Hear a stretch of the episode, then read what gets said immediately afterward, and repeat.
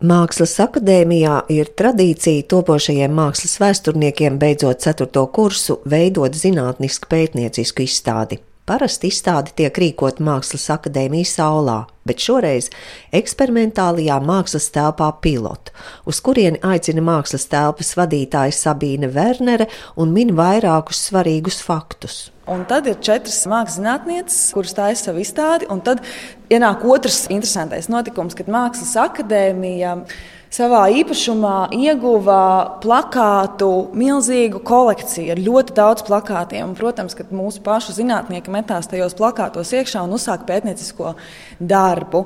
Un tad jau tur atkal visas kārtas salikās šie notikumi pasaulē, plakāta vispār spēks un kas tas ir.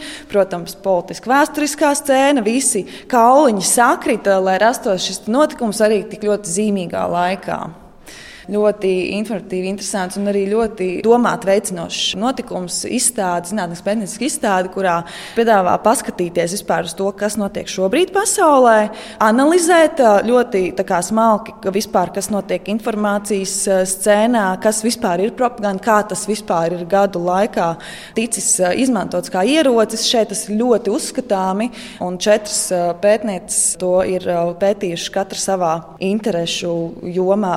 Mākslas Mākslas akadēmijā ilgi glabājušies plakāti nodoti studentu topošo mākslas vēsturnieku rīcībā, lai sašķirotu, sagrupētu un apzinātu plakātu kolekciju noticis liels darbs. Mākslas vēstures un teorijas 4. kursa studente Zanda Kagaine atklāja, kādu laika posmu izpēta ietver. Jā, mūsu laiks brīdis aptver sākot ap 1940. gadi līdz pat 1980. gadu beigas.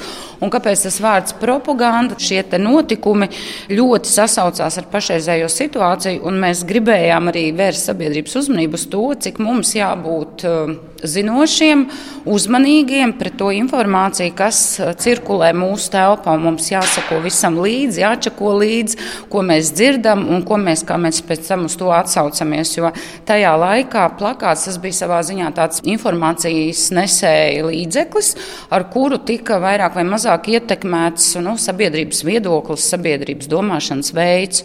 Un mēs uz to vēršam uzmanību, kad būt kritiskiem, paškritiskiem pret to informāciju, kas nāk mums pretī, un visu laiku nu, vērtēt. Un mūsdienās tā ir sabiedriskie līdzekļi, mazliet ir mainījies formāts, bet ideja ir saglabājusies tā pati. Piebildīšu, ka arī izstādes atklāšana notika zīmīgā laikā, 23. februārī. Nākamā diena jau atgādināja par gadu, kas apritējis kopš Krievijas iebrukuma Ukrainā bet izstādē aplūkojamie propagandas plakāti pētīti un sagrupēti pa desmitgadēm. Pētnieces katra atklājušas savu tēmu, bet pirms viņas uzklausu izstādes mākslinieks Aleksis Beļeckis ved mani cauri ekspozīcijai, ejot, rādot un stāstot. Kā mēs ienākam telpā, te ir tie galdi, kas ir vispār tādi koplietošanas galdi. Patiesībā tas arī eh, nāk no pašas telpas izpētes, jo šeit kādreiz bija ēdnīca. Un tas man deva kaut kādu tādu arī eh, atsauci uz to, ka var un vajag veidot koplietošanas telpas, kur var cilvēki sanākt kopā, runāties, jo šī tēma ir maksimāli neviennozīmīga. Un šeit var ļoti daudz diskutēt, runāt. Šī izstāde ir lielā mērā par kritisko domāšanu, tāpēc ka tie teksti ir pārsteidzoši, ka var paņemt plakātu. Un tur redzat tekstu, kas ir absolūti miermīlīgs un skaists, bet viņam mainās viņa konotācija atšķirībā no tā, kādā kontekstā viņu lieto. Un šeit ir nolikti dažādi plakāti. Šīs, protams, nav oriģināli, šīs ir izdrukas, bet šīs arī nāk no tādām personīgām atsaucēm, kas ir bijušas vienai no kuratoriem izstādē, ka tos plakātus padomu laikā arī izmantoja vienkārši kā galdautus, lai paliktu. Tad mēs arī izmantojam viņus šeit, šādā pašā veidā. Bet, principā, protams, šī izstāde sākās ar uh, trīs fotografijām kuras dod skaidru izpratni, kādā kontekstā ir veidot šī izstāde. Mēs uh, rādām atmodas laikus, kas ir uh, cilvēki, kas sākuši iet ārā ar uh, plakātiem, tie ir fotografijas no Zvārdas akcijas, tie ir protesti pret iesaukšanu armijā. Šeit ir ļoti skaidri un gaiši norāda uz to, kas ir, ko mēs redzēsim tālāk un kādā kontekstā mēs skatāmies uz propagandas plakātiem padomu okupācijas laikā Latvijā. Un tad, šeit, kad mēs ienākam iekšā, šie visi tie elementi, kas ir tie plaukti, tie visi ir īstie arhīvu plaukti, kas ir paņemti un atvesti uz šejienes lietošanai, un uz viņiem ir izvietot visi tie materiāli. Un, uh, tas uh, veids, kā mēs darbojamies, ir tāds, ka mēs gribam parādīt arhīvu apzināšanas to darbības veidu, gan arī pētnieku darbību, kas parasti ir kabinets, darba galds, smaga pētniecība, daudz teksti. Izstāde sadalīta četros blokos, jo ir četras pētnieces. Izlase ar plakātiem liela, taču ekspozīcijā izcelti tikai atsevišķi paraugi. Pārējie atrodas lielās plakātu glabāšanai paredzētās skapju atvilknēs tas, ka tā materiāla, dokumentālā materiāla ir tik maz, tas patiesībā kaut kādā brīdī iekārtojot izstādi, likās, ka tā ir problēma, ka viņi ir ļoti mazi, bet tad uh, mēs sapratām, ka šī ir tieši tā spēcīgā lieta, ka tā propagandas mašīna, tā vara bija tik spēcīgi nospiedoša. Tas viss bija tik maz, bet tajā pašā laikā tieši tas mazums ir tieši ļoti spēcīgs. Ka tie cilvēki vienalga ir bijuši, viņi cīnījās. Tā kā arī nobeidzam to izstādi ar uh, Latvijas karogu, kas apliecina to, ka cīņa par neatkarību notiek arī vis, tādos pie vissmagākām varām. Tā kā jūs uh, sakāt, ka šī izstāde ir arī tāda dienas grāmata, tad varbūt sāksim ar to agrīnāko periodu un ko jūs šeit rādītu. Ekspozīcijas apskati sāku ar tālāko izstādes daļu, ko pārzina 4. kursa studente Laima Dūda un dēvēja to par sarkano stūrīti tā arī ir dominējošā krāsa. Man sarkanais stūrītis attiecās uz 40. gadu beigām, 50. gadu pirmo pusi, kad ir eh, Staļinisma un eh, Hruščova līderisms nomaina vienu otru. Bet eh, šajā periodā tā cenzūra un propagandas spēks ir visstiprākais un visskaļākais, jo Latvija tieši arī iestājas Padomju Savienībā un kā nu tagad dzīvosim. Un līdz ar to nu, sabiedrisko telpu, protams, pārpludina visi šie skaļie lozungi, tiek stāstīts par to, kā aktīvi piedalīties vēlēšanās, par to, ka Latvija tiks uzņemta Padomju saimē un tās tautiskās tradīcijas un vērtības tiks respektētas, kā šeit dziesmu svētku plakātos, kaut arī mēs, protams, loģiski saprotam, ka tā īstenībā nemaz nebija. Un, protams, narratīvs par šo ģimeni, bērniem, sievietēm. Šīs visas tēmas tiek skartas tieši manā pētījuma laukā, bet kā pretmets, attiecīgi, lai saprastu, ka viss tik rožaini nemaz nebija, man izdevās atrast spilgtus piemērus, kas saistīti ar Latvijas karoga vēsturi. Piemēram, tas pats Bruno Javojuša gadījums, kad viņš pakāra karogu Latvijas radioturnī vai Varakļānu baznīcas smailē jauniešu iniciatīvu. Naktī uz 18. novembrī 1950. gadā viņi mēģināja pakārt karogu, un tas ir aprakstīts rakstīts šajās grāmatās, šajās lapusēs, šajos atvērumos. Un jūsu pētījuma lauka plakāti izskatās nevisai labi saglabājušies. Nu, jā, tas no vienas puses ir šī laika zoba rezultāts. Man brīnām, ka viņi ir saglabājušies arī līdz mūsdienām tādā veidā tikuši izstādīti arī izstādē, saglabājot autentiskumu. Un autori arī zināmi? Jā, pārsvarā krievu autori, bet ir arī latviešu, Artūrs Mucenieks. Dažādi dati par viņiem ir pieejami. Turpinājumā par 80. gadu plakātiem tos pētījusi Zanda Kagaine. Beigas, ko mēs arī varam redzēt vizualizācijās, noformējumā, ka mazliet sievietes tēls iegūst tādu maigāku, liriskāku noskaņu, un šis te konkrētais plakāts ir Franceskas Kirkes veltījums, un zināms arī tas, ka viņas tēvs bija viens no plakātu kultūras mākslas aizsācējiem vispār Latvijā. Un, ko es esmu lasījusi intervijas ar Francesku Kirki, tad viņas vēstījums ir sekojošs, ka māksla nevar palikt ārpusē tiem notikumiem, kas notiek politikā, kad mums jābūt aktīviem un arī māksliniekiem, jābūt cilvēkiem, kuri seko līdzi un par to runā un par to reflektē mākslā. Tā kā Kirkai, Franceskai ir tāds ļoti arī nu, aktīva pozīcija un aktīvs viedoklis par to.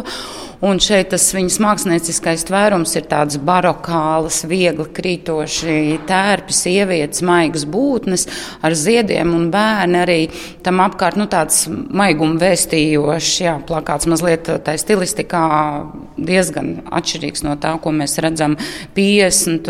40.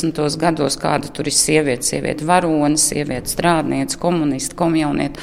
Un šeit tā Jānis Reinbergs ir iezīmējis um, skaistu meitenīti, domīgu meitenīti, un viņa uzdod tādu ļoti vispārīgu jautājumu, ja kāda būs pasaule, bet konkrēti šī tēma ir saistīta ar uzsaukumu par vidas aizsardzību vairāk, un arī tie bija 80. gadi, kad Brežņevs vienā no saviem lēmumiem veids šo uzsaukumu par vidi, par tīriem mežiem, tīrām upēm, tīriem ezeriem, un šī oficiālā partijas nostāja pēc tam aizgāja tālāk un tika jau turpināta ar šiem plakātiskajiem uzsaukumiem, bet sākumā tam visam nāca nu, tāda tā kā iniciatīva no pašas partijas augstākā ešafota.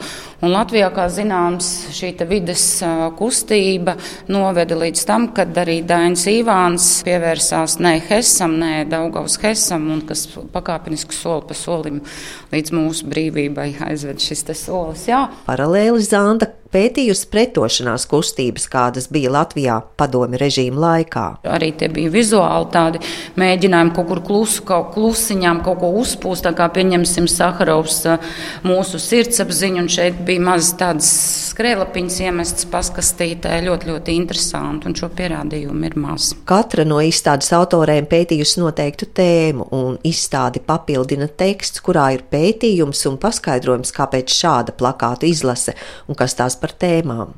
Inese Gātere pētījusi 60. gadu plakātus un min tēmas, kas saistītas ar šo laiku. Protams, galvenās tēmas mums iedod eh, Maskavā kongresi. Notiek šie te, kā jūs zināt, komunistiskās partijas kongresi, kur ģenerālsekretārs, manā gadījumā Hruščovs, atkal nāk klajā ar kādu tēmu. Reliģiskā tēma, protams, tā ir ļoti aktīva. Miera tēma, tā padomju savienībā nepazūd gandrīz nemaz no dienas kārtības. Hruščovs ir tas, kas sāk aktīvi cīnīties par mieru, jo notiek šīs sarunas par kodolu kariem, kodolu draudiem. Kā jūs zināt, arī 62. gadā tas novada līdz Kubas krīzei. Un, protams, saprot visa pasaule, ka tā dzīvot nevar, un Padomjas Savienība ir tā, kas grib it kā inicēt nu, to mieru. Bet nu, mēs zinām, pie kāds tālāk arī vēsturiski noved. Nu, lūk, un kāpēc bērni? Tāpēc, ka notiek kongress, kā jūs arī plakātā redzat, šeit ir brīnišķīgi jauki bērniņi sapulcējušies. Plakāts nāk no Maskavas.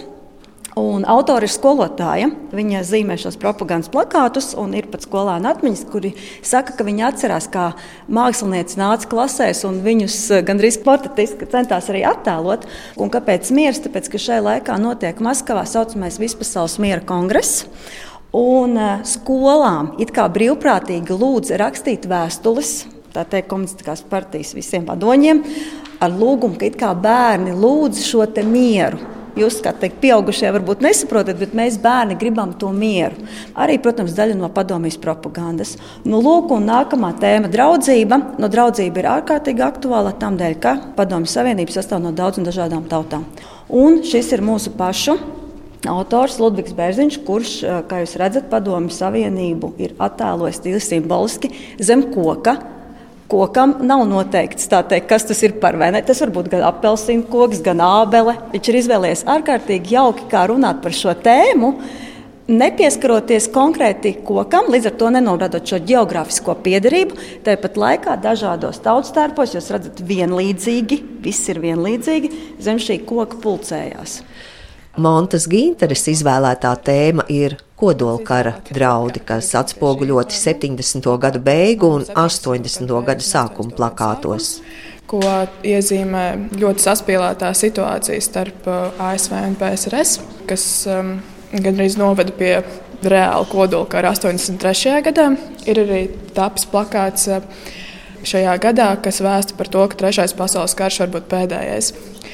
Un ieraugot šos plakātus, pilnīgi pārņēma tādu neticamu sajūtu, cik ļoti tas ir klātesoši arī šī sajūta mūsdienās. Jā, tāpēc arī plakāta mērķis jau ir emocionāli uzrunāt to skatītāju un arī saglabāt aktualitāti ne tikai tajā laikā, kad viņš ir radīts, bet arī nu, tālākā nākotnē. Un šiem plakātiem tas noteikti, šos plakātus veidojot, tas noteikti ir izdevies radīt joprojām to emocionālo aizķeri tādu, ka ir ko pārdomāt. Pie citas sienas pretreakcijas materiāls. Materiāla izpētes gaitā es uzzināju par Zvārdas poligonu. Tā izveida 53. gadā, kad uh, iedzīvotājiem lika pamest savas dzimtās mājas, doties uh, uz dzīvi blakus uh, apdzīvotajās vietās. Un uh, šajā teritorijā ierīkojas Vārdas poligonu. Zvārdi no kartes kā vietu izdzēsa. Līdz ar trešo atmodu 80. gadu beigās arī tika rīkot vairāk protesti, kur um, gan zvārdinieki, gan arī citi no citām Latvijas pilsētām cilvēki aicināja tātad padomju armiju atstāt zvārdi un atdot viņiem zemi. Poligons atradās arī vietā, kur um, bija rītaļu kapsēta, kā arī divas baznīcas. Un, uh, protams, tās visas tika izpostītas. No baznīcām ir saglabājušās vien drupas, un kapsēta tika izpostīta. Augstais karš, karš un miers, kodola karš ārpolitika un padomju armija ir atslēgas vārdi Montes Ginters pētījumā.